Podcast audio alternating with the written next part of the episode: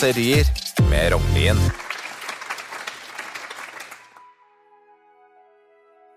Så ligger kornåkrene i Trøndelag atter flate. Nei da, det er ikke Trine Skei Grande som igjen har vært på ferde, men tvert om bøndene som har høstet avlingen.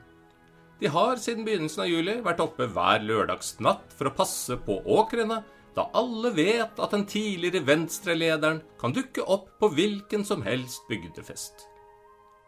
Nå kan gårdbrukerne igjen bekymre seg mest over andre glupske rovdyr, som eksempel ulv. Nå er det sikkert noen av dere som trodde dette var et ulvehyl, men nei. Det du her hørte, var faktisk Trine Skei Grande i aller siste akt i en av de mange høstpløyingene. Men tilbake til den firbente. Ingenting splitter landet så mye som Fantomets trofaste følgesvenn. Jegerne er f.eks. livredde for at det ikke skal bli elg igjen til elgjakta.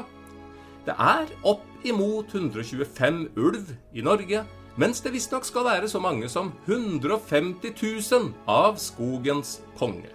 Det betyr at hver ulv, valpene inkludert, må spise 1200 elg før jakta blir avlyst. I tillegg har jeg ennå til gode å møte en bonde som ikke hevder at ulven bare forrige uke tok 14 sauer, 3 kuer, 2 gris, elghund og kjerringer. Selv Fenrisulven ville ha fått maveknip av et slikt etegild. Det er ikke bare rovdyr bøndene ikke liker, de er ikke spesielt begeistra for innvandrere heller. På samme måte som de ikke liker at ulven spiser opp elgen deres, misliker de sterkt når fremmede forsyner seg av de få gjenværende damene. Om eh, forbipasserende sjarmører er problemet, eller den uslåelige kombinasjonen av rullings, felleskjøpercaps, gummistøvler og en møkkete og illeluktende kjeledress, overlater jeg til Jan Thomas å vurdere. I Oslo synes de ulven er langt mer sjarmerende enn bygdetullinger de uansett ikke skjønner hva seier. De tenker at hvis ulven tar husdyra, dør bonderasen ut. Da slipper de å se sin velfortjente, ervede formue bli omfordelt til landbrukssubsidier. I stedet kan raringene på bygda konsentrere seg om viktigere ting enn å produsere mat, som å måke alleen til en av hyttene deres. Løsningen på ulveproblemet er åpenbar.